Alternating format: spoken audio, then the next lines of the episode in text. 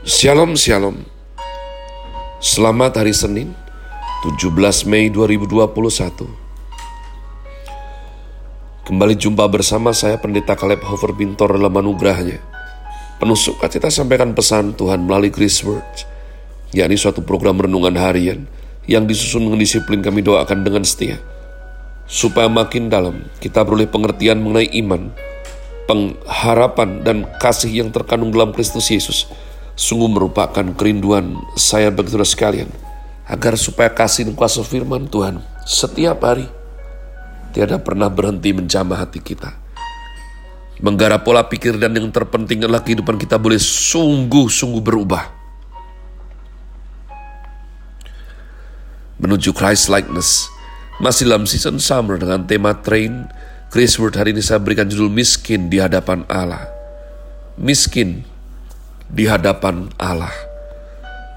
Mari kita membuka sekali lagi kitab Matius pasal yang kelima, ayat yang ketiga, Matius 5 ayat yang ketiga. Berbahagialah orang yang miskin di hadapan Allah, karena merekalah yang empunya kerajaan sorga. Miskin di hadapan Allah, empunya kerajaan sorga. Kemarin saya sudah sampaikan mengenai secara etimologi atau ilmu akar kata ada penes dan petekos umat Tuhan ya. Di mana penes umat Tuhan tidak memiliki kemewahan memang, tapi hidup. Sedangkan petekos itu kalau tidak ditolong mati. Jadi beda sekali. Nah, maka oleh karenanya jelas yang dimaksudkan Tuhan Yesus miskin di hadapan Allah itu bukan penes, tapi petekos. Artinya, mau miskin mau kaya. Apakah saudara ngerti bagaimana pengaturan untuk membayar hutangmu sendiri?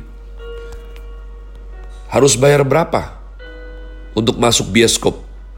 Harus bayar berapa untuk masuk restoran yang bagus? Makanya di hadapan Tuhan sama. Karena kalau di dunia ini, orang yang punya uang tahu bisa membayar masuk ke mana. Tapi kalau masuk kerajaan Allah, masuk sorga, pikir, mau bayar apa? Pakai perbuatan baik? Pakai uangmu? Tidak. Maka mau keadaan ekonomi seperti apa pun di dunia ini, kita semua adalah miskin di hadapan Allah. Berbahagialah orang sadar, sadar bahwa kita ini miskin di hadapan Allah. Umat Tuhan, ini suatu level yang berbeda sekali. Di tengah-tengah gurun pasir Sahara yang begitu kering, engkau butuh air. Kau punya emas 16 kilo misalnya. Berapa harga air? Berharga mana air sama emas, umat Tuhan? Kesadaran seperti inilah yang membedakan antara orang yang sudah dibukakan telinga mata rohaninya dengan orang mengikut Tuhan hanya secara agamawi belaka umat Tuhan. Semua di kita ini miskin di hadapan Tuhan. Bedanya ada yang miskin di hadapan Tuhan tidak sadar, tidak tahu diri, tapi yang satunya lagi sadar dan tahu diri bahwa kita ini tidak ada apa-apanya di hadapannya. Tidak punya apa-apa. Semua hanya kasih karunia. Orang macam beginilah yang berbahagia. Jadi ketika Tuhan Yesus berkata berbahagialah orang miskin di hadapan Allah. Maka orang tersebut tahu betul bahwa dia orang begitu berdosa. Lukas 18, 9-14 menceritakan tentang seorang Farisi dan pemungut cukai yang berdoa di bait Allah. Kedua orang ini sama-sama manusia yang berdosa. Sama-sama miskin, gak peduli di hadapan Tuhan mau pamer apa.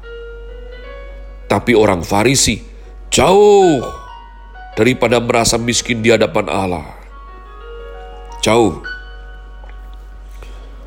Ketika berdoa, orang Farisi memuji, membanggakan bahwa dirinya begitu suci, begitu banyak memberi.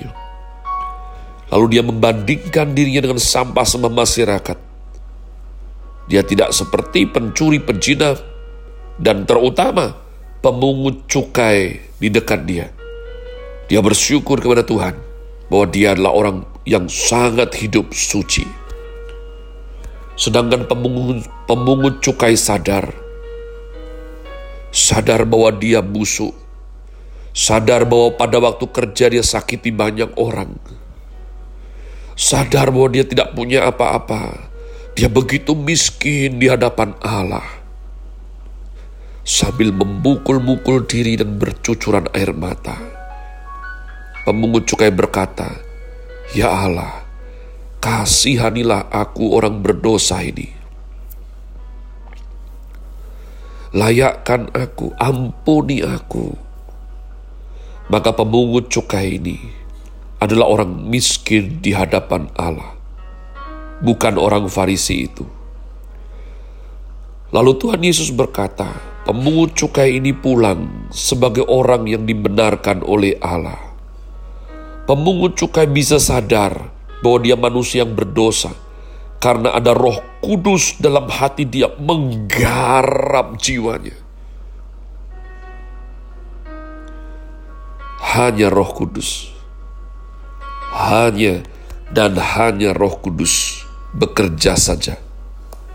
Baru baru bisa kita disadar bahwa kita miskin di hadapan Allah. Fungsi Roh Kudus yaitu kita dapat lihat dalam Yohanes 16 ayat yang ke-8. Ia di ayat tersebut adalah Roh Kudus. Jikalau Roh Kudus dimateraikan dalam hati kita, Roh Kudus akan melakukan tiga hal, yaitu menginsyafkan kita akan dosa, menginsyafkan kita akan kebenaran dan menginsyafkan kita akan penghakiman. Pemungut cukai ketika masuk berdoa, berdiri jauh-jauh, tidak merasa pantas, tidak berani menengadah ke langit. Dia tahu betul dia berdosa umat Tuhan. Pemungut cukai pertama sadar dia orang yang berdosa, tidak layak masuk hadirat Tuhan Hal yang kedua muncul kengerian akan penghakiman Tuhan. Ada penyesalan yang begitu dalam. Itu sebabnya pemungut cukai memukul-mukul dirinya sendiri. Hal yang ketiga menuntun pemungut cukai ini kepada kebenaran. Dia merasa tidak berdaya, powerless, tidak memiliki kemampuan untuk menyelesaikan dosa-dosanya. Dengan cucuran air mata, minta pengampunan kepada Tuhan. Maaf, kalau karena ini berbicara mengenai miskin. Dia memohon, dia mengemis, petekos. Kalau tidak ditolong, tidak mungkin bisa tolong diri sendiri. Dia sadar, muncul satu-satunya harapan terakhir mengenai hidupnya bergantung sepenuhnya hanya kepada Tuhan. Tiga hal ini hanya bisa terjadi apabila Roh Kudus ada di dalam hati kita. Baru akan muncul dalam diri hidup kita. Dalam penginjilan harus ada tiga hal ini. Firman itu harus menyadarkan manusia akan dosa. Kemudian firman menggambarkan kengerian dalam murka Allah. Dan di situ membawa orang-orang kepada penyesalan merasa powerless tidak berdaya, dan berharap hanya kepada Tuhan. Kita melihat Yudas Iskariot. Yudas Iskariot sadar akan perbuatan dosanya. Dia sadar ketika berbuat dosa menjual gurunya Tuhan Yesus. Dia sadar akan dosanya. Lalu dia dibayang-bayangi oleh kengerian murka Tuhan yang sudah dikhianatinya. Lalu dia mencoba untuk menebus dosa dengan caranya sendiri. Mengembalikan 30 keping perak kepada para imam. Dia pikir dia telah menyelesaikan dosanya. Dan dosanya telah ditebus sebab uangnya tidak jadi dia makan. Namun, muncul terus rasa bersalah. Muncul terus rasa bersalah. Bagaimana orang mengasihi dia tiga setengah tahun. Dia hianati, ditangkap, dianiaya, dan dibunuh. Yudas jiwanya tidak bisa menangani itu semua. Dan pada akhirnya, dia gantung diri. Ma Tuhan, saya berdoa sungguh.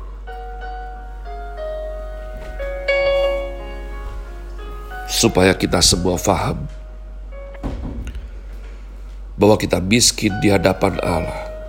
Satu-satunya jalan keluar kita bisa menjadi anaknya, berbuat benar, bertobat sungguh-sungguh adalah ketika kita sepenuhnya mengandalkan kuat kuasa dan anugerahnya semata. Have a nice day.